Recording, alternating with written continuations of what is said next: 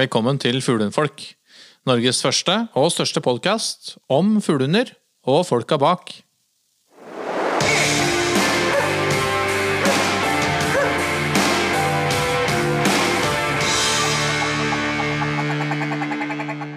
Da er vi på um, episode to i sesong fire. Ja, tenk på det. Det er ganske sprøtt, egentlig. Men det er deilig å være tilbake igjen um, etter uh, Ja, da hadde vi jo en um, episode forrige uke. Uh, men det har jo vært litt stund siden vi har vært på etteren siden før det. Vi har hatt en lang og god juleferie. Ja. Og vel ta det litt pent til tider. Det er lov, det. Nå er jo forholdene sånn i, i fjellet at vi kan uh, unne oss det. Ta det. Vente på at snøen legger seg, og, eller setter seg litt mer. Og. Ja, for vi har jo, vi har jo ikke hatt eh, forhold nå, liksom. Fra og med Ja, eh, det har jo vært dårlig Det har vært kaldt eh, før jul. Hele desember har vært rimelig kald. Ja, Vi snakket jo litt om det i forrige episode. At det var i hvert fall sånn tidlig på sesongen og i enkelte av fjellområdene så har det vært litt um, tunge forhold. da Ja. Ja, Det er ikke nå- blitt noe bedre.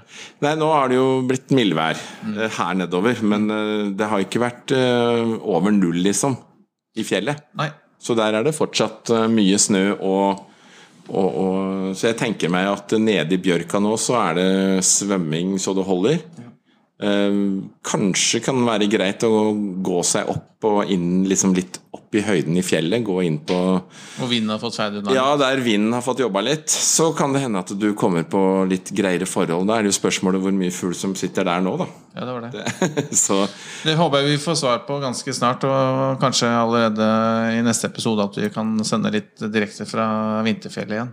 Ja, det hadde vært moro, det. Mm. Vi får satse på det. Men i, i dagens episode, gutter, så um, skal vi snakke med en spennende kar. Ja, alltid spennende å treffe folk som jobber med det Ja, for min del eller ja, liksom det samme som en sjøl, på en måte. da Eh, Det er ikke så veldig stort miljø Det er ikke så veldig miljø for det, egentlig. Jeg vet ikke om vi sitter på hver vår haug, liksom, men eh, nå har jeg fått gleden av å hilse på flere som jobber eh, proft med hund. Fuglehund. Og jeg må si at det har jo vært en sånn virkelig berikelse for meg. Altså, det har vært så trivelige folk. Og jeg skjønner ikke at vi ikke har mer med hverandre å gjøre. Nei, eh, men eh, det, Og det er jo fordelen med å sitte bak den mikrofonen eh, som vi tre gjør. At vi, det, vi har jo fått lov til å treffe veldig mange flere spennende mm, og veldig veldig dedikerte fuglehundfolk.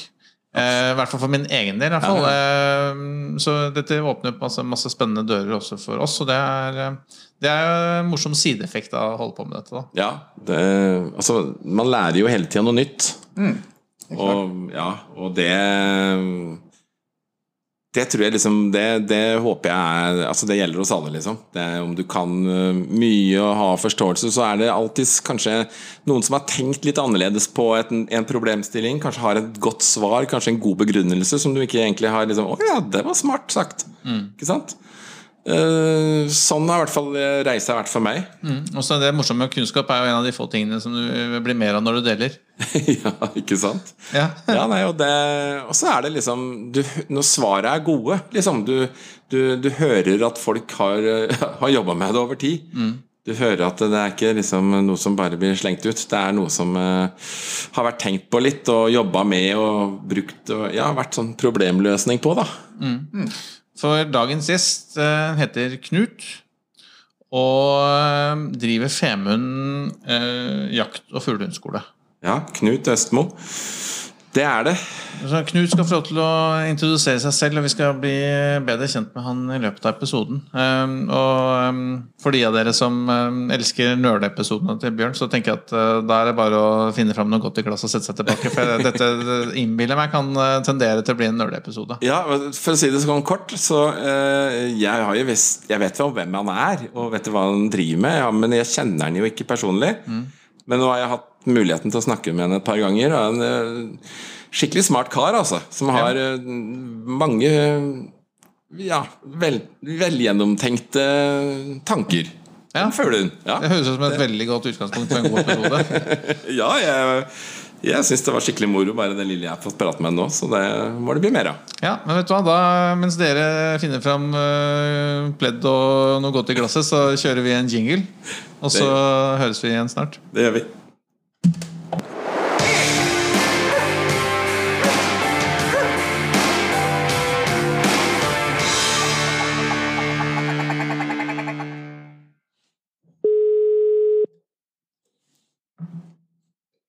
Hallo, Knut.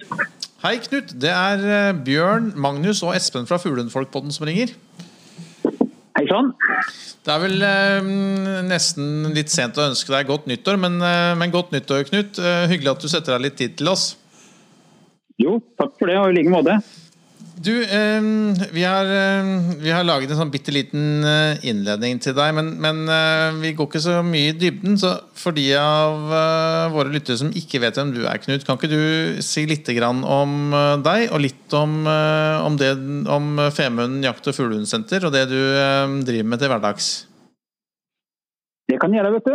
Ehm, ja, jeg heter jo da for Knut Østmo. Jeg er egentlig oppvoksen i nabolaget her på Drevsjø.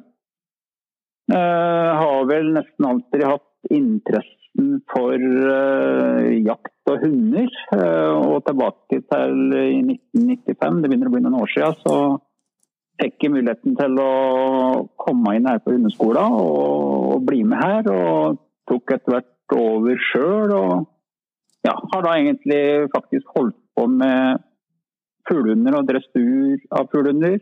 Kursing av folk eh, siden den gang. Siden 95. Ja. Ja. Ja, da har du jo Det høres ut som du har noe Du har sikkert glemt mer om fuglen enn det jeg kan, så det høres ut som et godt utgangspunkt. Ja da. Det, klart at opp igjennom så Altså jeg har jo jeg husker Før jeg begynte her, så gikk jeg jo eh, som mange gjorde den gangen. Og mange etter den tid også på, eh, på kurs. Jeg gikk på et kurs via det som den gang het Statens hundeskole Sollefteå med Erik Wilson. Det var litt sånn innledninga på si, kursvirksomheten. da. Eh, Men eh, det er klart at opp gjennom årene så har jeg jo fått eh, anledning å gjøre meg masse erfaring med hund. og Litt sånn prøving og feiling så klart også underveis, da, men har jo etter hvert funnet en eh, måte å hva skal jeg si, jobbe med hund på som passer meg veldig godt. i. Men um, denne, dette um, jakt- og fuglehundsenteret du driver, hva, si noen ord om det også når vi først er i gang, Knut. Ja, altså Det ble etablert eh, tilbake i 4-85, altså en tiårstid før jeg kom her. Eh, fra starten av så var det et AS eh, der det var eh, så klart en del eiere inne. Flere av de raseklubbene var jo inne her som medeiere. Det ble ansatt en daglig leder, og der retningen fra starten av nok var veldig å, å hva skal jeg si, kunstige instruktører. da. Ja. Det var eh, det de nok var tenkt på fra starten av. Eh, eh, Det gikk ikke så lenge før det gikk galt, for å si det sånn. Altså det gikk konkurs. Eh, Det endte opp med at eh, bl.a. Engerdal fjellstyre, altså vi holder da til i England her, slik at eh, den er da lokalt forankret, gikk inn som hva skal si, eiere. Tok over hele hva skal si, eller tok over bygningsmassen. Da, og Tanken var at det da skulle fortsatt være et hva skal si, fuglehundsenter. Eh, det var litt forskjellige drivere innom her eh, i de årene etterpå og fram til i 95, når jeg kom her. Eh, Jeg kom som sagt inn her, eh, leide i starten av, men først på 2000-tallet så tenkte jeg at skal jeg fortsette med det her, så vil jeg rå om det sjøl fullt og helt. Så fikk da kjøpt opp det. Eh, har jo gjort en god del ting her etter den tid. Uh, ja, restaurert utvida kennelen, uh, flytta alt som har med hva skal si, jobb ut fra uh, hovedhuset. Eh, og eh, ja, det som jeg at jeg driver med kurs eh, også, men det som liksom er hva skal vi si, kontinuiteten gjennom året, det er at jeg tar inn hunder for trening, dressering. Det, det, er det som jeg først og fremst holder på med. Og Det betyr at jeg trener og dresserer hunder for jakt, og også jaktprøver. Ja. Så du har både tilgang til treningsområder på fjell og skog, og du har oppstallingsmuligheter, altså du har kennelmuligheter også, ikke sant? Ja da. Jeg, jeg ligger jo da på Enga statsallmenning, og som jeg sa, fjellstyret var jo sterkt inne her fra starten av, og de har jo på en måte vært en en medspiller vil jeg si, hele veien. Og gjennom dem så har jeg da ikke minst da tilgang til uh, mye treningsterreng, uh, som er for meg helt avgjørende. Jeg bor jo si, i fjellet, eller holder til, holder til, i fjellet, og det gjør jo at altså Fjelltrening, krypetrening, er jo en veldig stor del av det jeg driver med. Selv om jeg har ja, det vi kaller tannfugl, dvs. Si duer som jo bruker litt sånn etter behov, da, så er jo hva skal jeg si, retningen på det jeg driver med, veldig mye det jeg kaller trening på, på ordentlig fugl. Mm.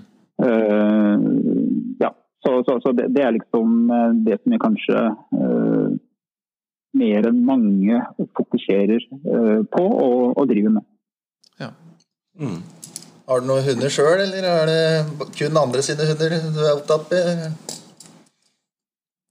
Ja da, jeg har jo noen hunder sjøl. Jeg har jo fra starten av hatt uh, i eget eie gårdomsettere, og det har jeg i dag. Jeg har tre, tre, stykker i dag som, som bor i huset. det er jo litt sånn Med å drive med hund, da, så havner jo tidvis egne hunder litt i annen rekke. Men klart gjennom året så, så blir det jo åpninger sånn at jeg liker gjerne å vise fram dem når de er klar for det, f.eks. på jaktprøve. Gjennom det jeg holder på med, så, så styrer jo så klart tida mye sjøl. Og, og, i det så ligger det at jeg, jeg legger jo inn en god periode med, med f.eks. rypejakt på høsten. Sånn at det blir noen uker der. og da, da er det jo på en måte å drille egne hunder, gi dem jaktlig erfaring, som for meg er nøkkelen for at man skal bli gode på andre ting. Eh, viktig, da, kan man si. Mm.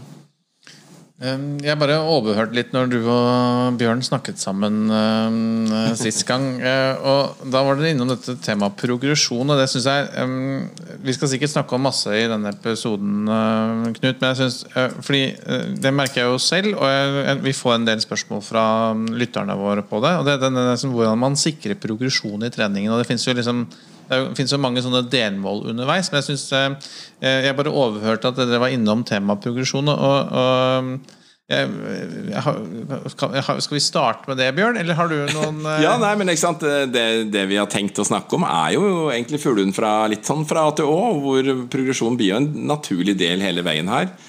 Så, flere en, Hva var det du tenkte på? Nei, flere Forhåpentligvis med meg møter jo sikkert på noen utfordringer, spesielt i den progresjonen. Både i lydighetstrening og ikke minst kanskje i fysisk trening, og ikke minst kanskje da i jaktrelevant uh, trening. da. Mm. Ja. Man uh, møter på hindre underveis. Og, og det er jo, det, ja, noen opplever sikkert det som litt sånn frustrerende og vanskelig, og, og kanskje ikke har de riktige verktøyene for å komme videre. Så jeg, jeg, jeg, skal ikke legge føringer på uh, fuglehund-nølepraten deres, gutter. Men jeg bare skal, skal vi, Har du lyst til å begynne med det, Bjørn, eller vil du begynne Ja, jeg hadde jo tenkt å først bare si det at jeg har jo vært innom Femundretur, jeg òg. Altså, ja, rundt 90 91, tror jeg, så var jeg der en sommer. Jeg nevnte for Knut òg. Eh, ja. Så det, det, var der jeg faktisk starta med fuglen, jeg òg. Han kom rett ifra Forsvarets hundeskole. Alle veier fører til Rom? Ja, tydelig. Og som Knut sier òg, så er det liksom eh, Det er jo, det er jo liv Eller liksom et midtpunkt der han bor, da, sjøl om jeg kanskje kunne antyde at han bodde litt ute i ødemarka. Men for det han driver med, så er det jo midt i blinken, da. Ja. Jeg bor jo sentralt, men jeg bor veldig usentralt for å drive med fuglehund. Ja, ikke sant? For eksempel. Men vi kan jo ta det litt sånn i forhold til altså, Ja, vi skaffer oss valp, og vi skaffer oss liksom Ja, hvor, vi, hvor tidlig skal vi begynne? Men liksom litt valg Har du gjort deg eh, Har du gjort deg Gjør du deg tanker om liksom, hva du velger av valp, f.eks. du, Knut? Har du, liksom, er det noen tanker der, eller er det, tar du hva som helst? Ja, jeg har jo det. Uten at jeg er så sikker på at det er det beste bestandig. Hvis jeg sjøl skal velge en valp, så, så kan nok være at jeg, jeg unngår litt hva skal jeg si, ytterpunktene i valpekassa. Mm. Hvis du skjønner. Eh, kanskje ikke den mest puslete, eller kanskje heller ikke den, den som gjør mest ut av seg. Eh, nå har det vært slik at eh, har jeg drevet eh, eget oppdrett eh, nå i en god del år. Det er ikke noe stort oppdrett, men eh, jeg har jo lagd mine egne hunder, da, for å si det sånn. Mm. og det gir meg jo mulighet til å liksom flye valpene fra starten av og fram til da levering. Uh, ser jo så klart litt på det eksteriøret at de ser uh, ut som det de skal se ut som, uten at uh, det er kanskje det jeg legger aller mest vekt på. Men, mm. men som type, så, så, det å liksom kanskje unngå ytterpunktene i valpekassa, det, det, kan være et råd. Mm. Mm. Ellers det som er litt sånn eh, greia for meg, da, for å bruke det uttrykket, i forhold til det med å dressere, oppdra for så vidt hvilken som helst hund, men også så klart mine egne, det er jo egentlig så tidlig som mulig å finne ut hvilken hund jeg har.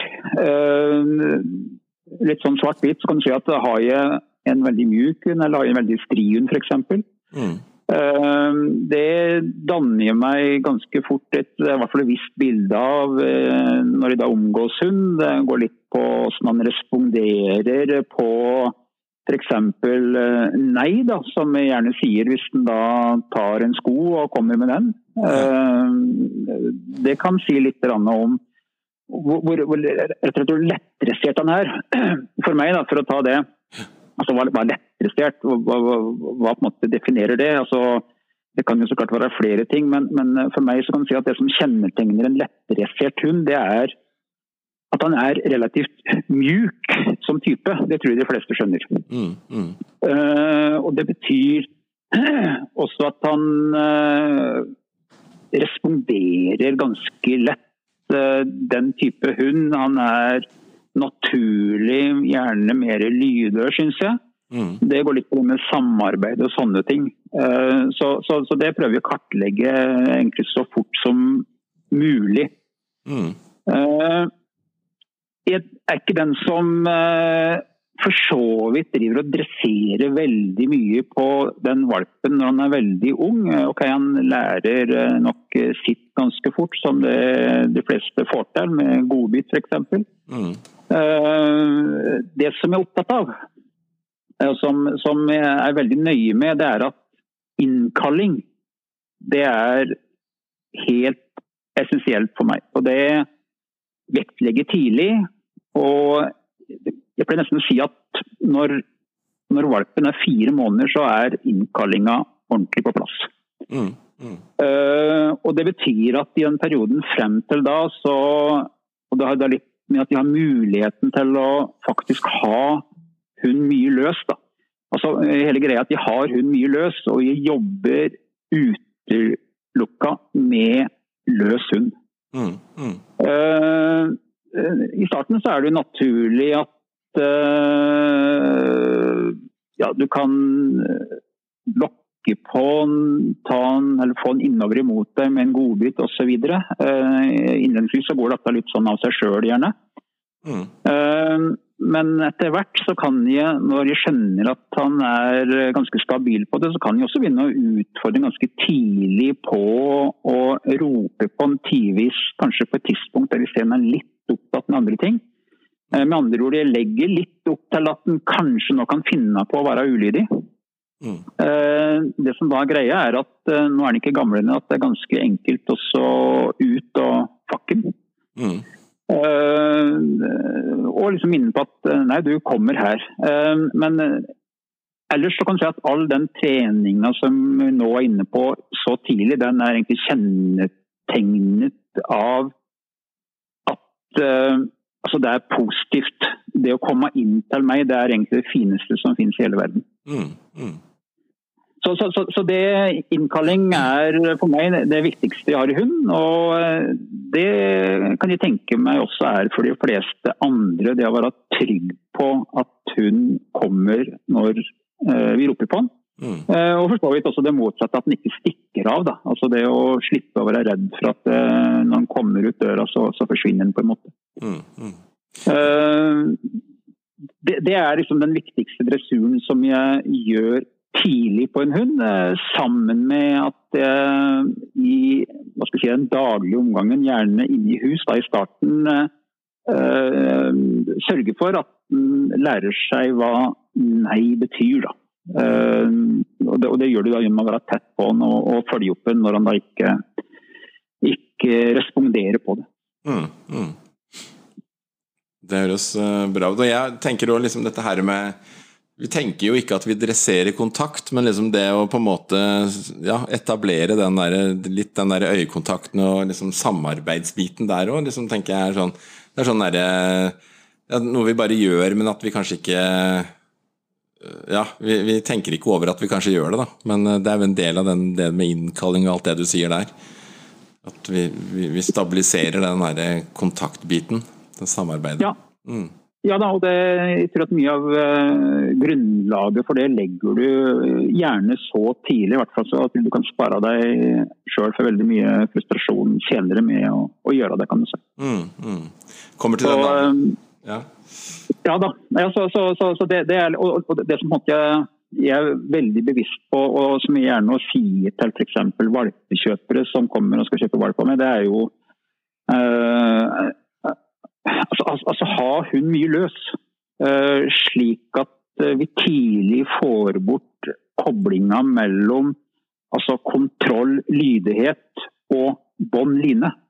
Ja. Uh, det, det, er liksom litt hva skal jeg si, greia for meg. for det vi ser også senere, altså når de vokser til å bli litt eldre, blir vi kanskje litt mer systematisk i treninga, mer spesifikt dressur i forhold til jakting osv., så, videre, så, så, så ser du veldig mange er allerede på, på etterskudd, på en måte.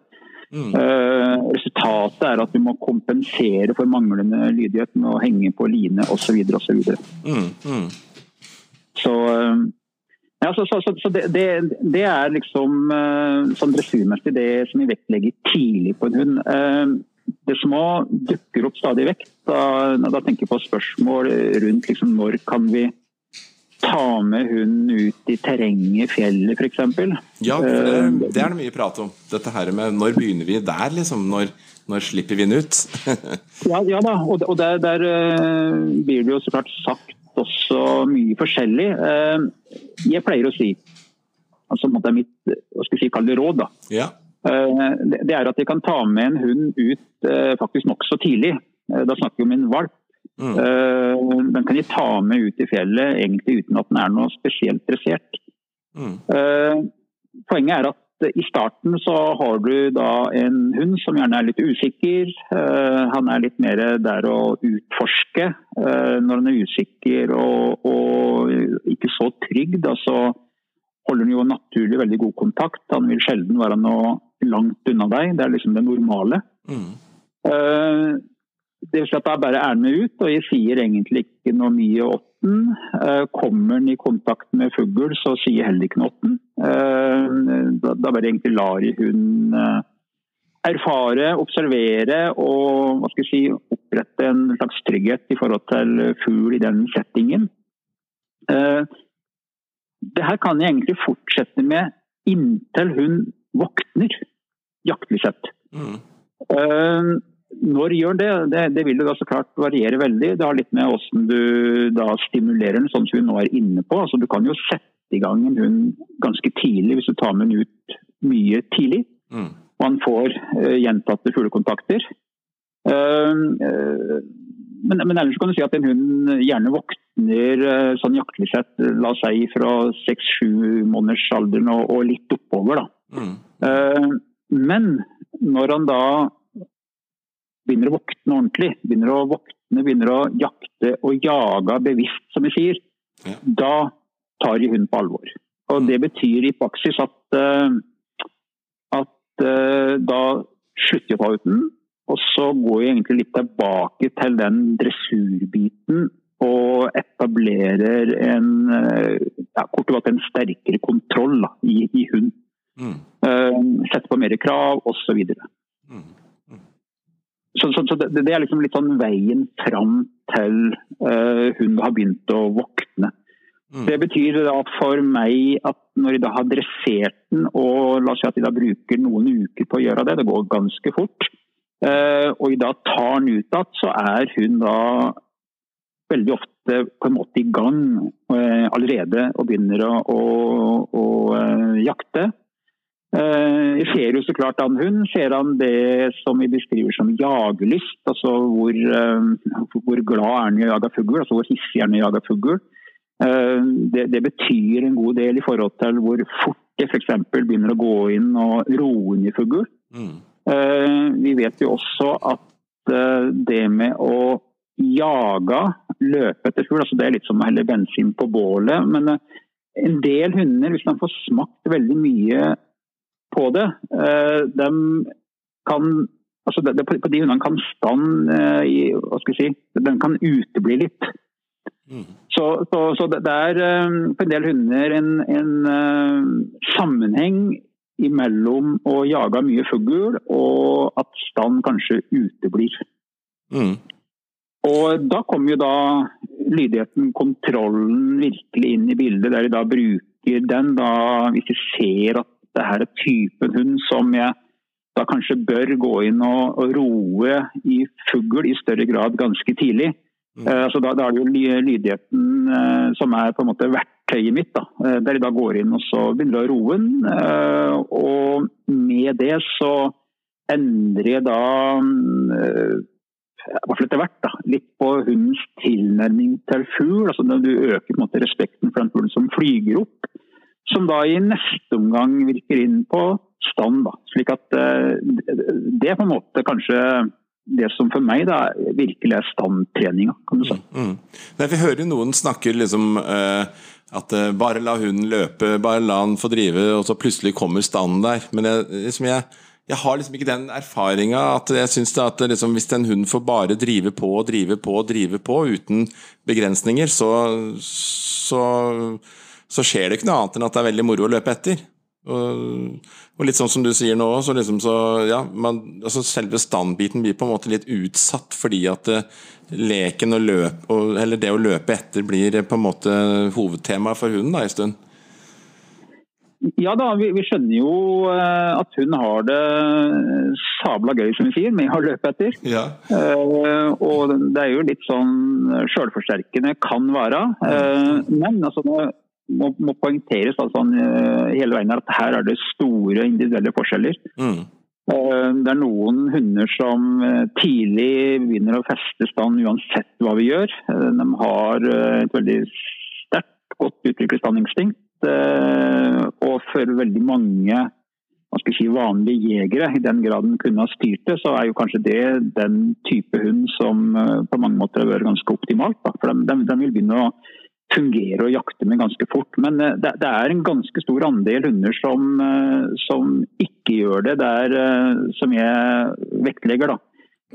Ro i oppflukt er en veldig hva skal jeg si, bevisst strategi for å få i gang hund også da sånn med tanke på stand, holde stand, komme opp på den osv.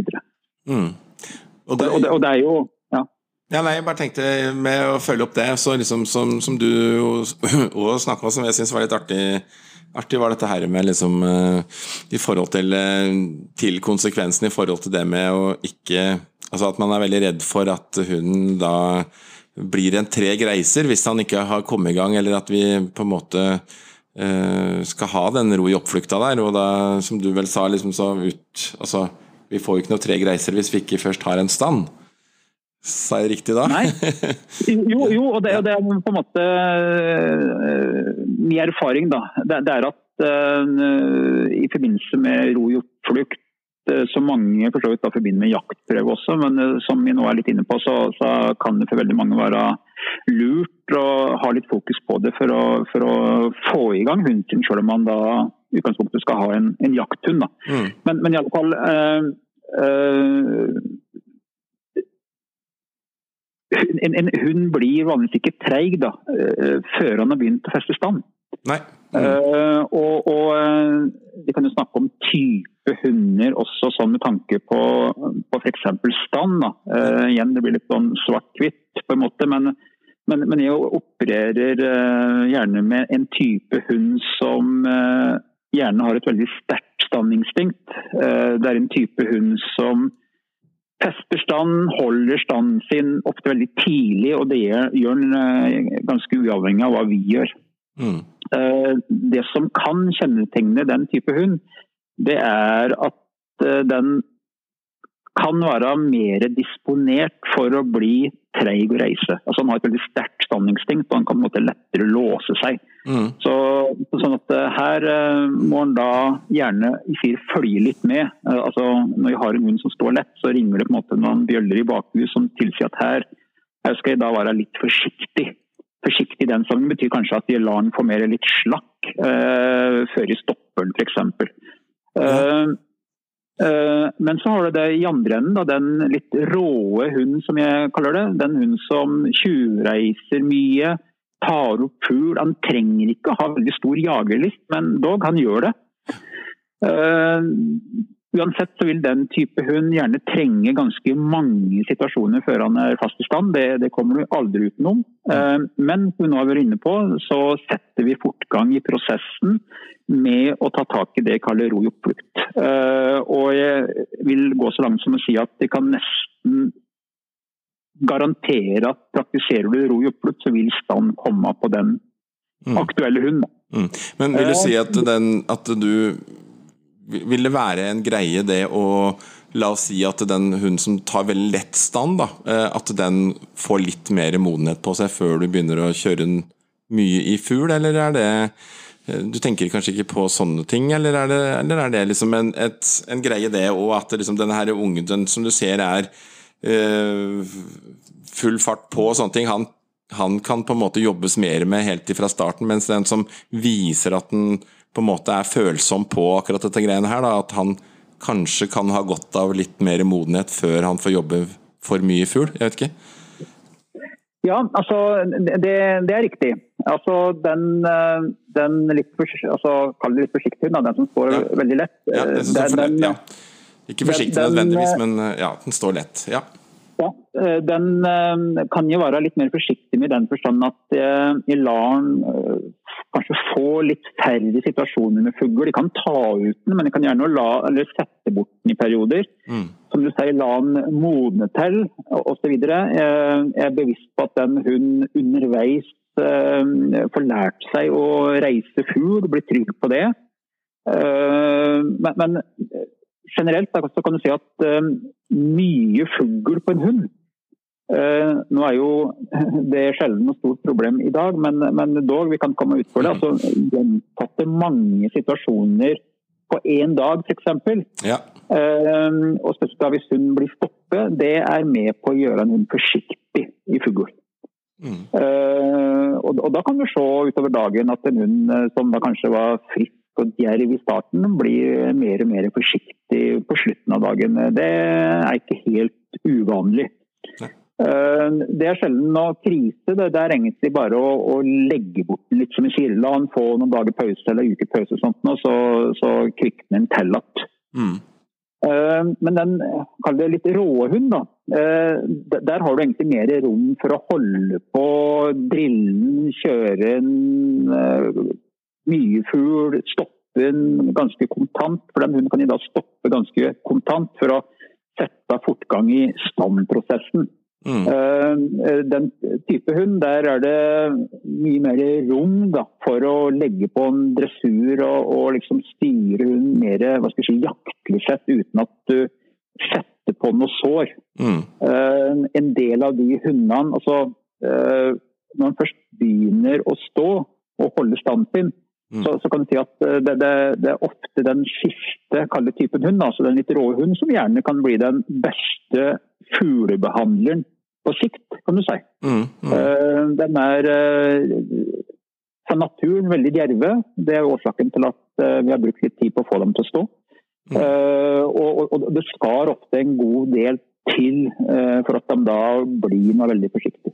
Mm. Så, så, så, så, det er på en måte fordeler og bakdeler da med, med si, de to forskjellige typer hundene, kan du si. Og der ser du liksom litt den der, der, der Da tenker du at her har jeg Oi, her, denne her kan jeg Denne passer best for å jobbe fram som en prøvehund, og, og den andre litt sånn eh, bløtere på nesa. Han kanskje passer bedre mot eh, en familiehund som skal eh, være en stabil jakthund.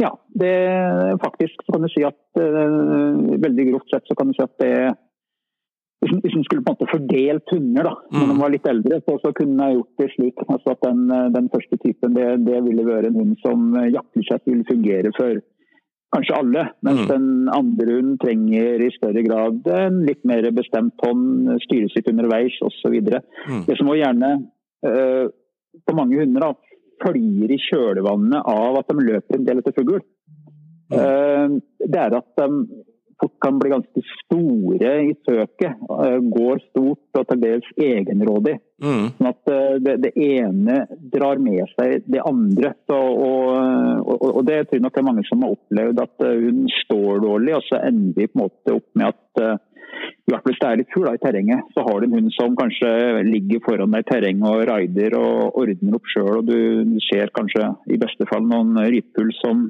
går på vingene i det fjerne med en hund som eh, Ja. seg springer friskt etter. Ja, altså, litt inntrykk Altså, jeg føler i hvert fall at jeg har Det er flere henvendelser nå på, på akkurat dette her med at hunden går veldig stort. Altså ut av hånd, da. Jeg, jeg føler at det er på en måte mer og mer av det, da. Og én ting har vi jo snakka, vi jo i poden, mye om dette her med, med GPS-en, og at vi går inn på da følger opp stander som er 1, 2 og 3 km unna, liksom. og At det på den måten, da får du ikke noe, akkurat noe, noe trangere hund av den grunn, liksom. Men, men hva gjør du deg av tanker rundt, rundt disse her stortgårda, du?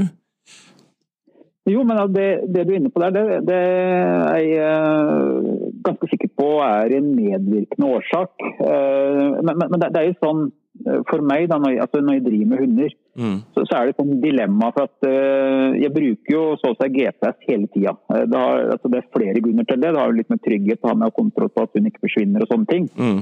Uh, Men, men på unghunder spesielt, da, så, så kan du se at hvis den uh, havner litt ut på litt større avstander, så, så er det et dilemma.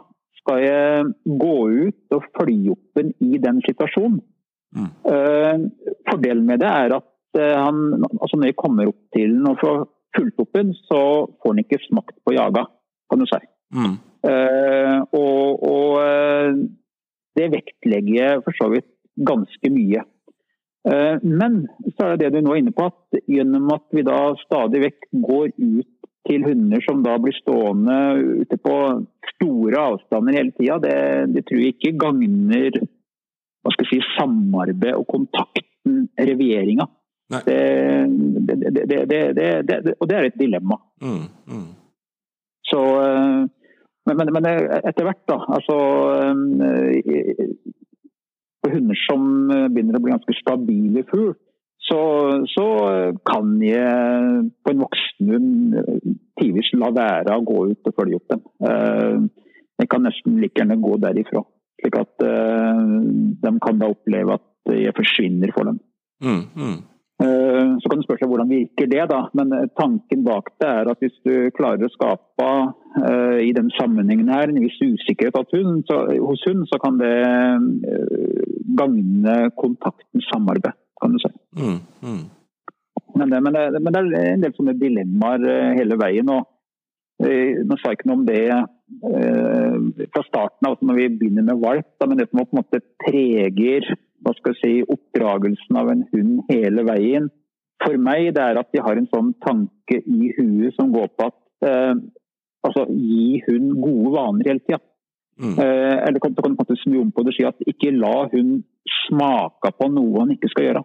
Nei, ikke sant? Mm.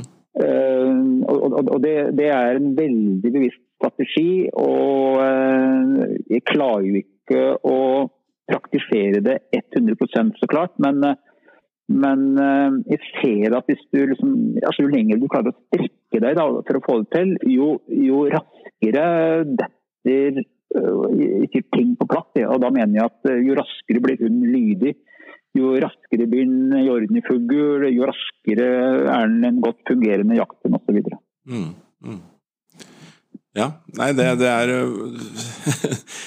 Det er mange sånne eh, si, nyanser og små forskjeller på hvordan eh, man tenker. Og, og, og jeg forstår jo veldig godt uh, dilemmaet til den som på en måte har fått seg, fått seg en valp da, og, og, skal begynne med dette her, og at det ikke bare handler om eh, en sånn A4-sak. Det er så mange individuelle forskjeller, og det er så mange Ja, man kan jo være uheldig med både med både med valg av både rase og, og individ og oppdretter og alt dette her, i tillegg til at man skal da Eh, med det som utgangspunkt eh, faktisk da fikse dette her.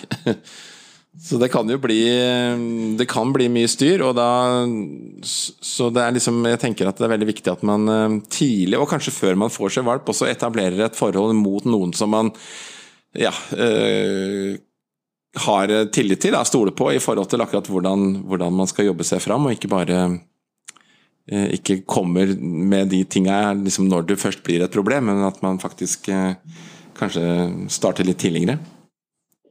Ja da, og det, og det, det med å få seg ny eller få seg en hund, da, få seg en valp, det er jo et lotteri.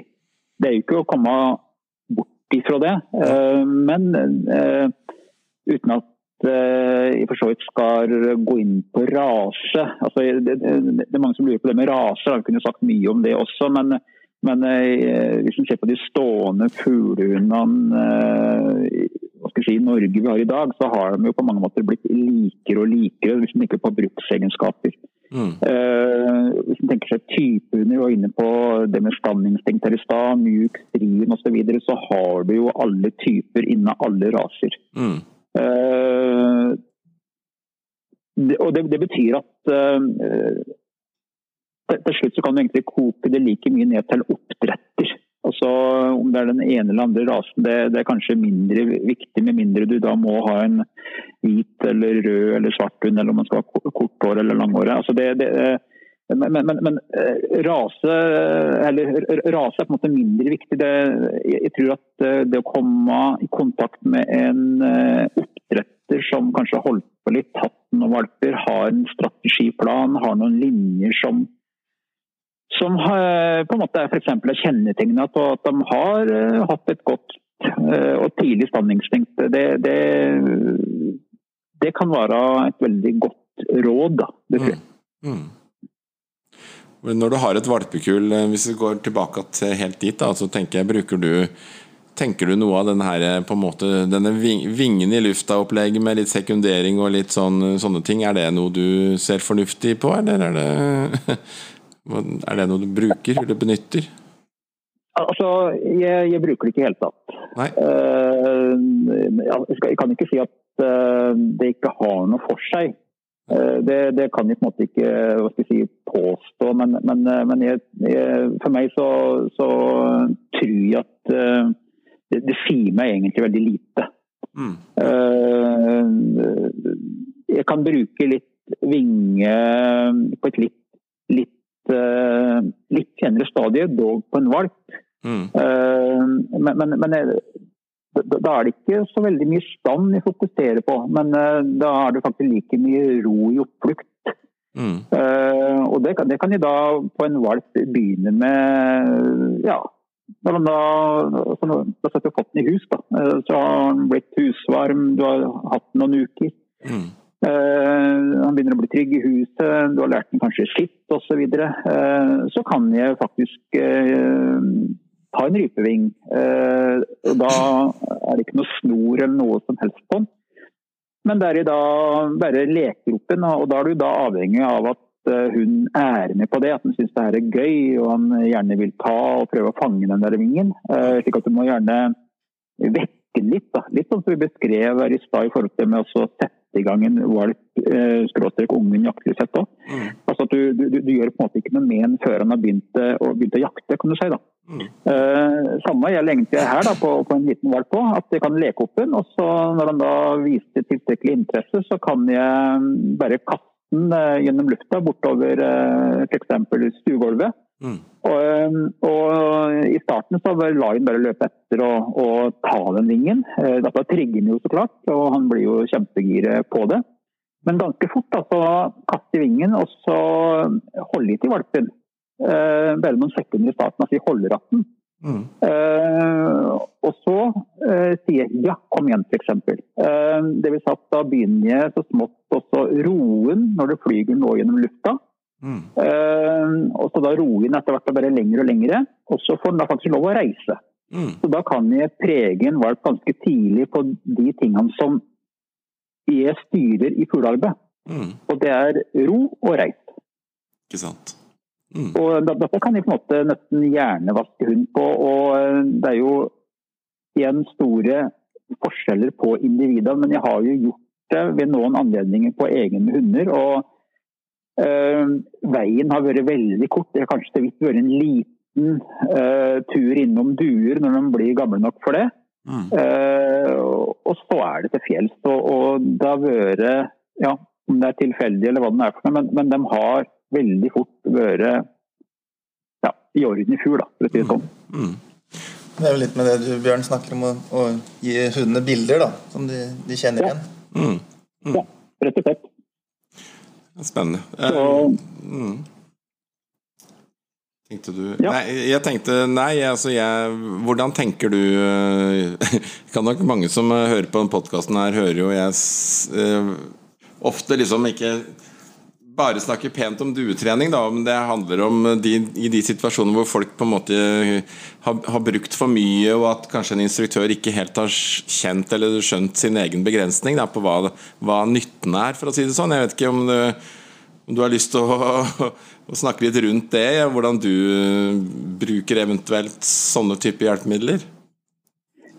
ja, altså jeg har jo duer, som jeg sa i stad. Eh, og jeg har en veldig hva skal jeg si, et, et veldig bevisst forhold til hva duer er for meg.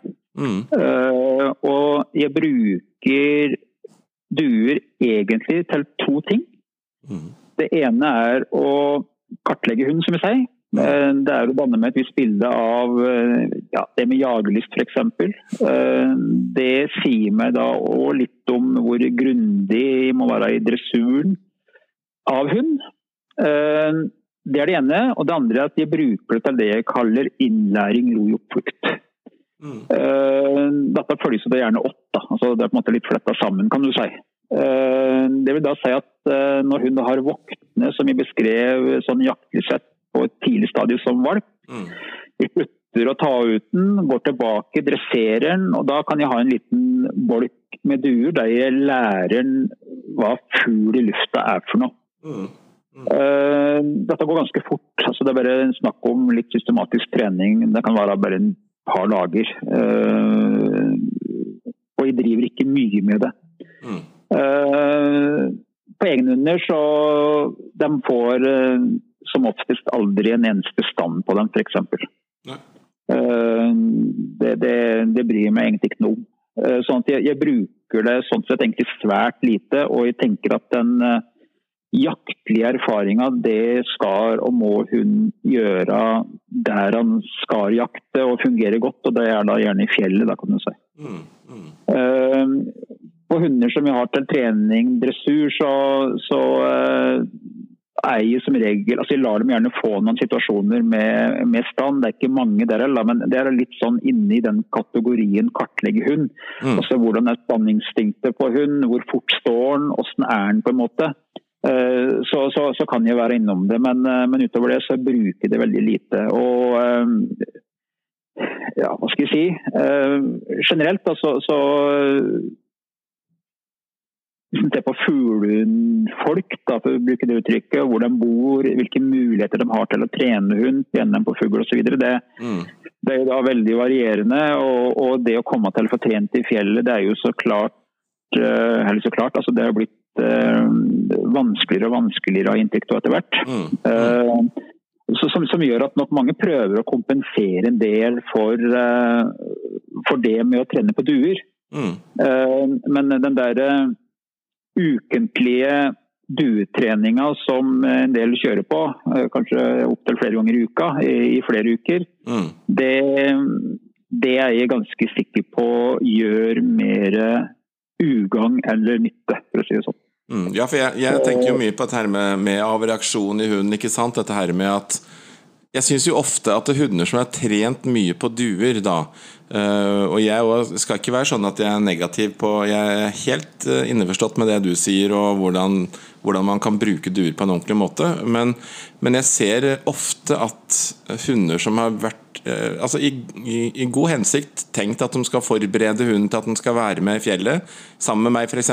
Og og da syns jeg ofte at disse her som litt sånn uvilkårlig er blitt trent på duer, er ofte veldig stressa, og kanskje de som er vanskeligst å få kontakt med da, i fuglesituasjonen, fordi det har blitt så opphausa og det har blitt så mye stress uten, uten noe avreaksjon i hunden, kan du si, da, i de situasjonene som de har drevet mye med. Ja, da så tror jeg eh, altså uten å hva skal jeg si, si for mye om uh, de forskjellige instruktørene, så tror jeg at det ofte blir litt for mye uh, i hvert fall i mine øyne, da, feil fokus i forbindelse med altså det, blir, det blir så veldig fokus på fuglen. Mm. Den fugletreninga, den stand, på en måte. Mm. Det, det, det, er litt sånn uh, gjennomgående. De, glemmer det, det, som jeg vektlegger mest. Da, det med å få bort bånd, line, ta kontroll på hund f.eks. Mm. Uh, det, blir, uh, blir, veldig mye borte oppi det hele, tror jeg. Mm. sånn at og, og, og hvis man tenker seg det med å forme, prege en hund, så vi snakker om det med gode, dårlige vaner. Eh, mange prøver også liksom i forbindelse med fugl å kompensere f.eks., og, og det tror jeg nok er veldig vanlig, kompensere for manglende lydighet med å kjøre mye fugl. Mm, mm. Uh, altså De er på duer, og så nei, hun er uh, vill og gal. Og så, og så, er de kanskje hjemme igjen og jobber uh, så godt de kan, eventuelt litt med litt dressur. Og så drar de i veien igjen. Og så når de kommer tilbake, så er kanskje hun enda mer vill og gal. Og så, og så, kommer de på en måte ikke ut av det sporet. Mm. og da kan jeg tenke meg at du har en hund som veldig fort er der som du mm. beskriver. da. Ja. Jeg, jeg tenker at hun, folk, folk, skal være fornøyd med seg sjøl, og hvis de gjør en god jobb med å, å tenke samarbeid og, og, og, jobbe med de tekniske, vanlige dressurmomenta, liksom, også, ja, under de normale omstendigheter, da, så, så skal jeg tenke at da er du midt i byen. Da, så, vær fornøyd med det, da. Da har du et godt utgangspunkt. Og så, så kan du benytte sånn som deg, da, Knut. ikke sant? Komme og få hjelp der, og kanskje jobbe videre med ting, ikke sant? hvis det eh, skulle være nødvendig. Ja da, og det er jo eh, altså det er det mange etter hvert ser. Da, at de kommer ikke ut av det sporet og søker da eh, hjelp og ikke minst i forhold til med fjelltrening. altså Én ting er eh, det vi nå er inne på i forhold til eh, å ha en hund som er lydig nok. Men, men, men, for mange så er det jo rent sånn praktisk. altså sånn Det å ha tid til det, altså det å drive på i fjellet, det er en tidkrevende sak. og ja, og Det beste utgangspunktet tenker jeg som de har gitt da, for den videre treninga eventuelt med deg, da, ikke sant? det er jo at de faktisk har jobba systematisk med vanlig dressur, og ikke med alt mulig annet. Og, det, og, hvis man tenker seg det med progresjon, da kan du si at, at den, uh, Litt tilbake til det å ha en fornuftig progresjon. Uh, altså, der er altså, en uh, indikator for meg, da, mm. før jeg f.eks. kan vurdere å ta med den aktuelle hunden ut i fjellet og begynne å trene, altså jakttrene på rype, mm. det, det, det, er jo at på en måte så enkelt på en måte, men og dog så vanskelig, er at som jeg var inne på tidligere, innkalling er nummer én. Altså Det er en indikator. Er ikke innkalling på plass, mm. så vil jeg nesten si med langt på nær 100 sikkerhet at da får du dem heller ikke i orden i fugl. Ja. Forutsatt, da, eller unntatt altså de type, eller den type hund da, som er veldig myk og forsiktig og som gjør seg sjøl. Altså, igjen, du har hele spekteret med type individer her, men, men, de som opplever at hun ikke lystrer ordentlig hjemme der omkring, så kan du si at er ikke innkalling på plass, så, så får du ikke orden på på ro i opplukt f.eks. Eh, så, så innkalling er en eh, indikator, og det er også så klart en, en eh, kjekk sak å ha på plass i forhold til å ha hunden i det daglige. For det er så avgjørende for å ha et, et hyggelig hundehold, da, tenker jeg. Ja, det... mm. og, og, har du innkalling på plass, så er faktisk også ofte vei, veien ganske kort frem til det med sitt avstand sitt og den biten der. Og da begynner vi fort å nærme oss det vi da trenger for å etter hvert eh, få kontroll på den i fugl. Eh, ofte bare noen påminnelser som trenger når den tid kommer i fjellet, så, så begynner den også da å la seg roe der, kan du si. Så, mm. så det er liksom å forstå den progresjonen, og at den ikke da går videre før du på en måte har etablert deg på, på ett nivå. da. Mm, mm. Men når du da tenker progresjon eh, videre, da, for da tenker jeg liksom litt på liksom, eh, hvor mye skal unghunden da eksponeres for, eh, for fugl? Liksom, skal vi være fornøyd med én, to, tre situasjoner, eller skal vi liksom peise på? Hvis muligheten ja, gir seg. Ja, nå, ja. ja, nei da, det, det, som du sier, det Ofte så gir det seg sjøl, men, men ja. jeg, jeg, har jo sånn en tommelfingerregel når jeg da driver med hunder generelt, og, og spesielt unghunder, er at at uh, har vært i fjellet og fått i hvert fall et par bra situasjoner. Ja. Uh, så velger jeg ofte å avslutte. Altså, jeg, min erfaring er at det er de, de små dryppene med de riktige erfaringene som raskest bringer oss dit hen at vi har en hund som opptrer stødig og stabilt i alle momenter rundt det med fugl. det, det, det er tankene. Og, og igjen, da. Det, det, henger jo litt sammen med at, uh, at uh, gjennom å bli ivrig og du får et par situasjoner, og, så har du kanskje en dag som du har kjempeforhold, det er fint vær, det er masse fugl, mm. så er det jo så klart kjempefristende å fortsette å gå og trene. Det er ikke noe vanskelig å skjønne hvis du da i tillegg har langt å kjøre for å komme dit du trener. Mm, ikke sant? og, så kan det på en måte gå bra så du kan få en tredje bra situasjon, du kan kanskje få den fjerde situasjonen som er bra. Mm. Men den femte, så sprekker det. Ikke sant? Eh, og den siste situasjonen, den, den, ødelegger veldig mye for de fire første. Mm. Eh, så, så, så, tanken min er at hvis jeg da kanskje heller da avslutter med to, mm. så, så, har på en måte hun med seg kun to gode situasjoner. Altså, han har gjort seg de riktige erfaringene. Han, han har ikke fått smakt på noe han ikke skal gjøre. Mm. Uh, så, det er liksom litt tilbake til utgangspunktet når vi da begynner med, med en valp hjemme og dressuren også der. Altså, mm. det, er liksom veldig, en veldig enkel filosofi. La hun få så langt som mulig kun uh, muligheten til å, å, gjøre seg de riktige erfaringene. Mm. Så, så da... Og, og, og ja. ja. Nei, men jeg bare tenker at Da er det bedre at folk tenker at vi skal ha ei formiddagsøkt eller ei ettermiddagsøkt, enn at de tenker at vi skal ha en hel dag i fjellet, for å si det sånn. For eksempel. Ja, mm. det, det, det, det, er et, et poeng, eh, så sant den i hvert fall har hatt tilgang til fugl. Men igjen, altså, det er det med tilgang til fugl. fordi at eh, for å hva skal jeg si, øh, laga seg en god jakthund, mm. så, så, så treng, trenger en uh, x antall situasjoner. Altså, du, du, du, du, får ikke noen progresjon i hund uten at du har fuglekontakter, kan du si. Det, det, det, kommer du ikke utenom. Uh, og, og, og, du ser jo det, de fleste som har vært i fjellet, litt, de, de vet jo at uh, dagene varierer veldig. Enkelte dager så, så ser vi kanskje knapt nok fugl, og så har vi en neste dag der vi da har gjentatte fuglekontakter. Uh, men, men du, igjen da, du ser liksom at uh, i bunnen så ligger det med å ha kontroll på hund. Og når jeg sier en god situasjon, hva er nå det?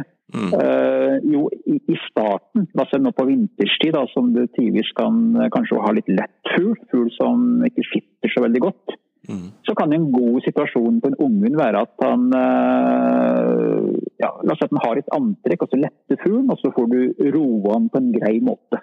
Mm. Uten for mye støy. Det, det er en god situasjon for meg. Mm, mm. Ja, spennende. Det, det er så mange uh, muligheter, og, og i det å ville det beste, så ligger det veldig ofte dette her med eh, med lange økter og mange repetisjoner og sånne ting. Og så, og så, så det er litt viktig å få kledd av den biten der med at det kanskje er det motsatte som er det beste. da. At det med heller korte økter, få repetisjoner, gir de beste læringsøyeblikka for hunden. da. Ja, og det, det, er i stor grad min erfaring at uh, det er lettere å lykkes med hund hvis den tenker hund på den måten der. Og da er det kanskje greit å være hvis, altså, Skal man ut med en unghund da, og, og liksom har tenkt å bruke litt tid, så er det kanskje greit å være flere, sånn at, eh, at man hele tida kan rundere på hunder som man ikke fysisk sliter dem ut òg, tenker jeg da. Liksom, for det òg, til slutt da blir du sliten, og da mister du jo mye konsentrasjon av den grunn òg, ikke sant? Ja da, han, han gjør det. Og eh, det å f.eks. være en par, kanskje tre kompiser som kan gå ut eh, sammen, det kan være lurt. eh, I hvert fall hvis alle har en sånn eh, rimelig samstemt måte å tenke hund på. Mm, mm. Eh, det de også er veldig bevisst på, altså, og her er det helt sikkert veldig forskjellig praktisk, da, men, men eh, jeg for eksempel, eh, jeg er så si helt konsekvent på at jeg slipper faktisk aldri en unghund sammen med en annen hund. Nei. Eh, og, og, og, og det er egentlig for å prøve å hjelpe meg sjøl for å ha så hva skal jeg si, eh, stor kontroll som mulig over alle momenter. Ja. Eh, Så fort jeg legger, eller eh, tar med en annen hund ut og slipper nevnte sammen med den unge hunden, så, så får du med en faktor som du faktisk ikke har kontroll på. Mm. Vi ser jo f.eks. det med sekundering. Altså, noen hunder er jo faktisk veldig stødige og stabile på det, men der vil jeg si at uh, mange uh, er det ikke. Uh, og, og så er det også noe med at når du da jobber fram en hund i starten, så hvis du må heve stemmen opp til en hund f.eks., og det er flere ute, så er det lett for at det du gjør med den ene hunden, går utover den andre osv. Så, videre. så Mm. det, er, det er også en sånn faktor. Men, men jeg, jeg hjelper meg sjøl i en tidlig fase med, med å slippe kun én og en hund. Og sjøl på hunder som, øh, som, som jeg eventuelt skal stille på prøve etter hvert. Eh, Jeg gjør det med en del hunder. Mm. Eh, Jeg kan nesten eh, litt satt på spissen. Jeg kan trene dem. Jeg trener dem utelukkede alene hele veien. Mm. Eh, Tanken bak det også, og det er kanskje litt motsatt av det mange gjør, er at gjennom å trene den alene, så blir den selvstendig. Ja. Mm. han får ikke gjort sine erfaringer med å løpe, leke med en annen hund. Eh, og det kan være en utfordring hvis du slipper en unghund for tidlig. Det er at du slipper den på et tidspunkt der den ikke har voksen jaktlysthet. Mm. Ja. Eh, da, da er det veldig lett at den da henger seg på, på den andre hunden som da er ute og løper også.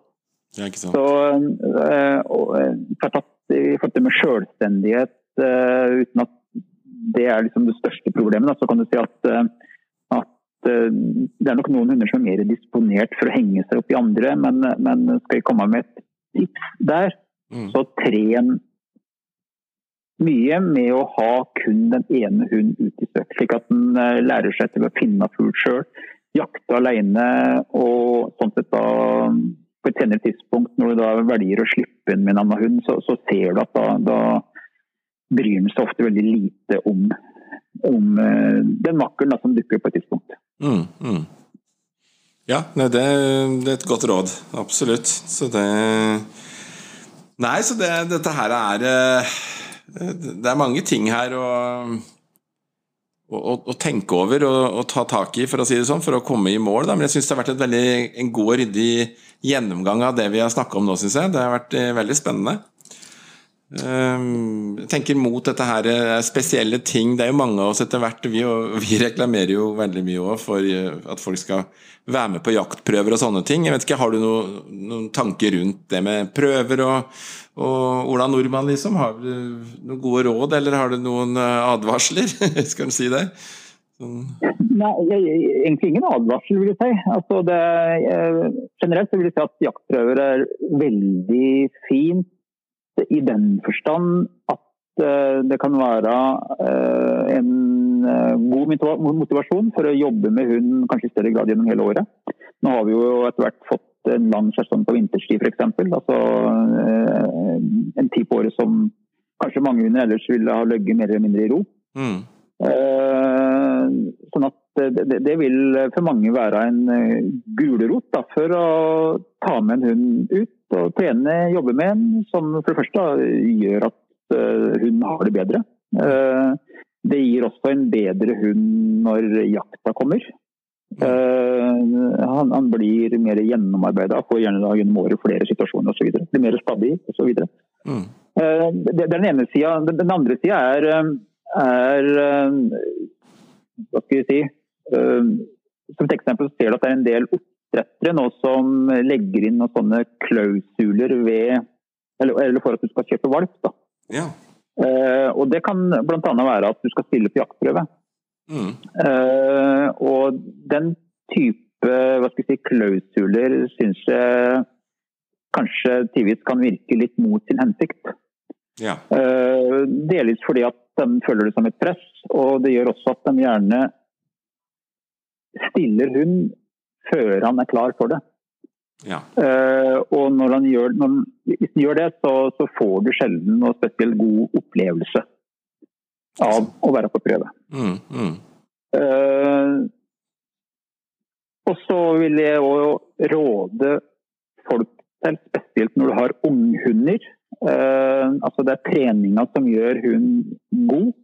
Altså Den blir ikke god av å gå på prøve. Mm. det er at Eh, er du i tvil, så bruk heller helga til å trene hund enn å stille på prøve. Mm. Uh, I forhold til det å investere i tid, så tror jeg veldig mange vil kunne ha hatt ganske mye, mye, for det på et senere tidspunkt. Da.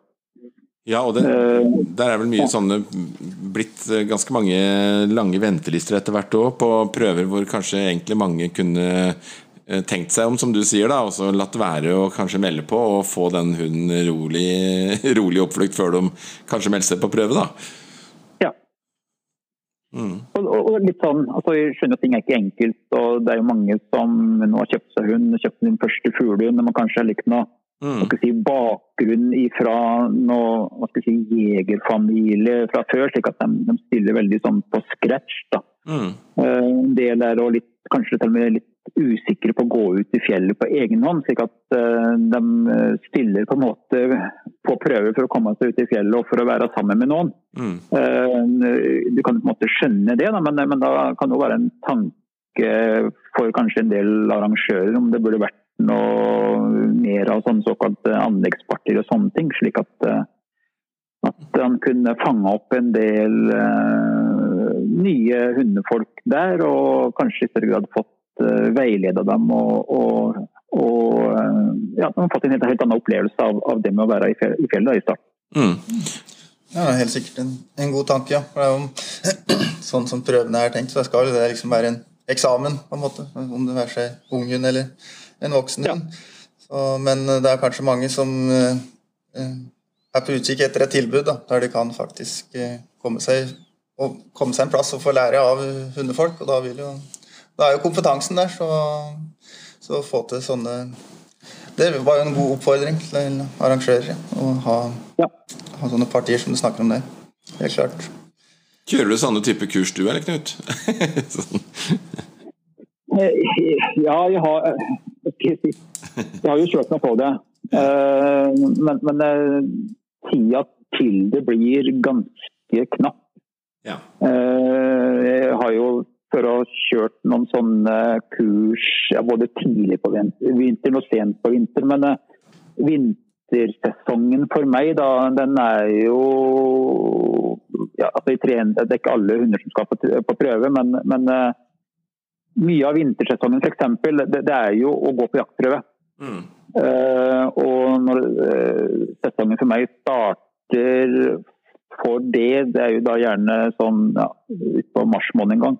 Ja. Så, så, så, går jo gjerne helgene uh, utover. men, men jeg har før hatt noen sånne kurs, og så har jeg gjerne hatt et sånn kurs eller to uh, på august måned. Mm. Uh, på sommeren, da. Så det går i hvert fall an å eh, kontakte deg for det og høre? Høre, det gjør, det gjør høre om det er, er, noe på gang, eller om det ikke er noe, i hvert fall, så, så går det an å ringe deg og høre. Ja, det, det, det, gjør det så klart. Så, men jeg ser at det er noe som måtte kunne ja, som vi var inne på, sikkert vært en del uh, mer av. For det er mange som, uh, som føler på at de, ja, det er både trygt og ålreit å være ute sammen med andre. Og hvis man i tillegg kan få litt veiledning med hjelp, så. Så er det enda bedre. Ser jo at en god del fuglehundklubber har blitt veldig flinke til å ha sånne samlinger på, sånne helgesamlinger på fjellet. Så, ja. så, det skjer jo noe positivt absolutt der, altså. Det gjør det. Mm. Ja, ja det, det, det, gjør det. Jeg har inntrykk av at det etter hvert har blitt ganske mye, mye tilbud eh, på det rundt omkring. Eh, det, det, har det. Og, men eh, du hører jo også at eh, ja, mye blir fullbooke, og alle kommer ikke med, osv. Så, videre, og så, videre. mm. så men, ja, da er det et tegn på at det er behov for, ja, får, for den type får, eh, samlinger og kurs. Da. Vi får oppfordre klubber som hører oss nå, til å ta tak i den muligheten. Fortsette den gode jobben der. Mm, ja. Mm. Mm. ja. Eh, det, det, ja. Ja, kjør på. Ja, bare, vi, vi, pleier også å runde sånn forsiktig av etter en times eh, tid. Jeg, jeg, når jeg sitter og hører på dere, så høres det ut som vi kunne hatt en hel sesong med prat mellom eh, Knut og Bjørn. Og det kan hende at um, Det kan vi få til, vet du. Ja, det, det, det kunne hende at, um, at vi skulle plukke opp tråden i en senere episode også, Knut. Fordi um, jeg syns det er Vi har jo bare så vidt skrapa egentlig i klarlaken på, um, på, det vi um, På dette store Den store reisen mellom unghund og Eller valp og, um, og, og ferdig jakthund som, vi har, som vi har snakket om nå. Det, det, det, er på en måte liksom Ja, det er en hel sesong, men jeg syns det har vært veldig veldig spennende å høre. Jeg syns du har veldig mange gode og veldig sånne tydelige og klare meninger og, og, tips og råd, og det tror jeg er veldig veldig verdifullt for lytterne våre. da. Ja, så det har vært en, ja, det... jeg synes det har vært en veldig, veldig spennende episode. Og hvis du har lyst, så har vi veldig lyst til å ha deg med i en senere episode. Så kan vi på fortsette det litt på den reisen, for jeg syns det, det, var spennende. Ja, men Kjempehyggelig både å være med og eventuelt få kunne bidra senere. Det er jo, som du er inne på, et tema som mm. Ja, Vi kan, kunne sikkert ha prata i ganske mange timer om det. ja, det er sånn det er. Det er vi er vel i gang med tredje sesong nå. Så fjerde? Fjerde sesong. Ja. Fjerde sesong er det faktisk, dette her. Det er eh, ja, eh, vi er inne på et snevert, trodde vi, til bilde, men det er jo ganske Det er jo nok av temaer og nok av eh, folk å snakke med i alle mulige retninger rundt det vi driver med, så det, det er nesten foreløpig virker det nesten utømmelig enda. ja, det er et støtt. Ja, og, det, og, det, og det, det med hund og jakt og, altså, det er jo noe som mange driver med, og som er Ja, de, de brenner jo for det. Mm, mm. Ja da, det er uh, veldig viktig for folk. Og det med, med hund er jo altså Hun har jo fått en mer og mer sentral plass kan du si, i familien i tillegg til. Det er mange, mange flere ting å ta hensyn til i liksom helhetsbildet nå kanskje enn den hunden som vi hadde for 20-30 år siden. Mm. Så, så, um, så, det er mange På godt og vondt? Ja, på godt og vondt, egentlig. Masse hensyn og masse uh, både viktige og mindre viktige ting som skjer. Så, så vi får bare felle på videre. ja da. Nei, men som sagt, er veldig hyggelig å være med og, og prate litt rundt. Det, det, er jo det jeg driver med sånn stort sett i, i hverdagen også. så ja, og vi har jo sett, eh, og vi har jo sett annonsen din i, i bladet Fuglehundene litt sånn eh, Ja, det er sånn der, og der er Femund Fuglendskole, tenker jeg òg. Så koselig. Og så liksom, så ser jeg navnet ditt og tenker ja, ja, ja, jeg vet jo hvem det er på navn, men nå har vi jo faktisk fått uh, blitt litt bedre kjent òg, så det syns vi har vært en veldig et veldig artig og veldig ja, morsomt uh, bekjentskap å få, da. Absolutt. Vi får hive oss i bilen og komme en tur til Femund, tenker jeg. Ja, ja. Ja, det, det må du gjøre, vet du. Yes. Ja. Men du, eh, Tusen takk for tiden din, eh, Knut. Også, du skal jo få drive litt egenreklame. Er det, noen, eh, er det noen Instagram eller noen nettsider du vil at folk skal eh, besøke for å få komme i kontakt med deg? eller? Um, Det er vel i første rekke eh, nettside www.femundhund.com som eh, ellers så jeg bruker, eh, i motsetning til veldig mange andre, veldig lite sosiale medier og den slags. Ja, du bruker tida i skauen, fjellet, du. Fjellet. Ja, Det er bra. Det blir bedre hunder av det. blir. Ja. Ja. Veldig bra. Ja. Veldig Nei, men bra. Tusen takk for tiden din, og så, og så snakkes vi ganske snart. Bare hyggelig, vet du. Ja, fint. Fint, Ja. Takk skal du ha. Ha det Ha det, ja. Hei, hei. Ha det.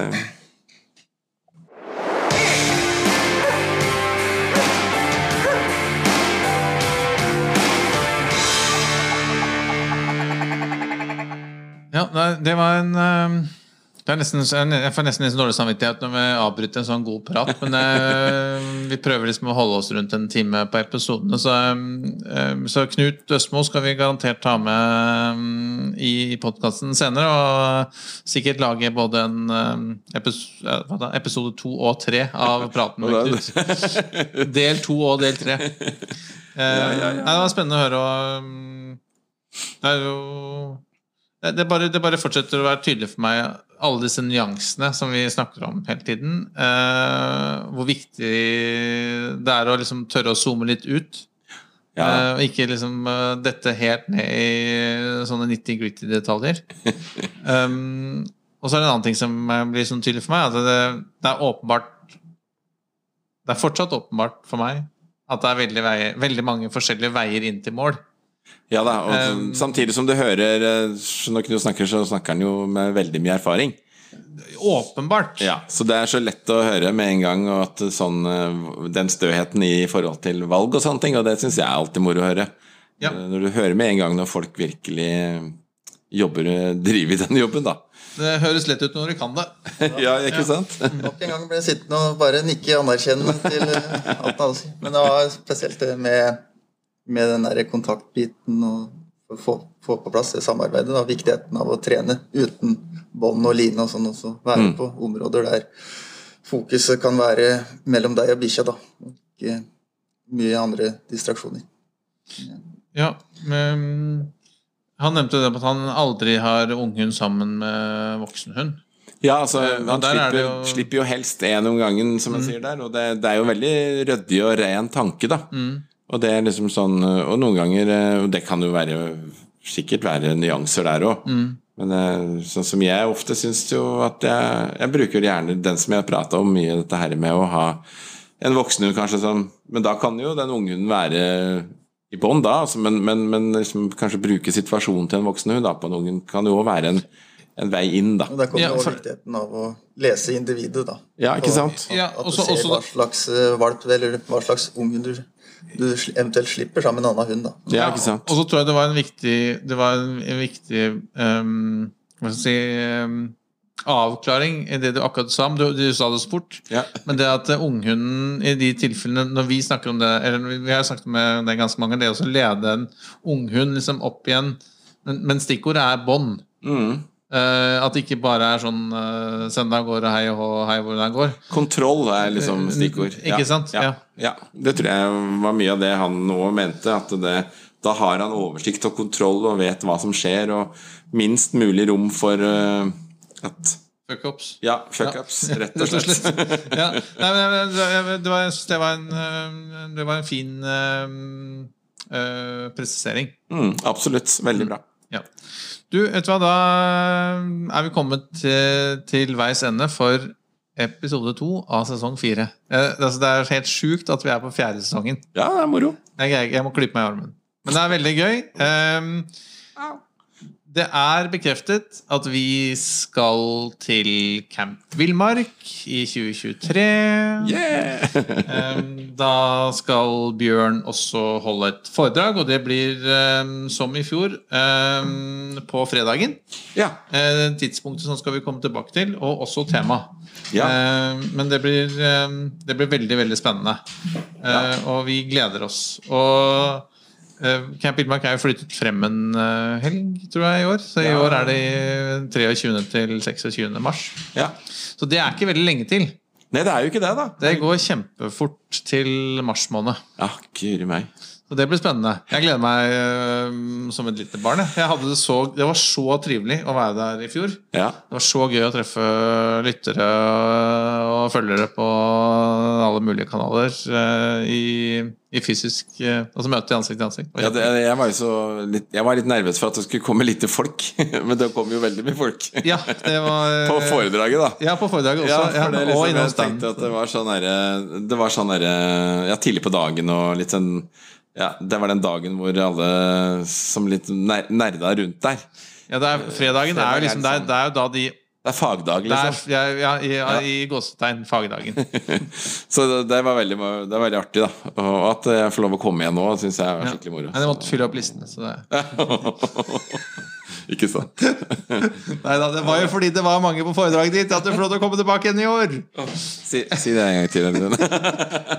Du, Nå skal vi ikke belemre l- lytterne med mer tull fra oss. Vi takker for oss. Ja, det gjør vi. Eh, Og eh, gleder oss til neste episode. Ja, det gjør vi absolutt. Um, takk for at dere bruker tiden sammen med oss, eh, folkens. Og så høres vi snart. Jeps, ha det bra. Ha det!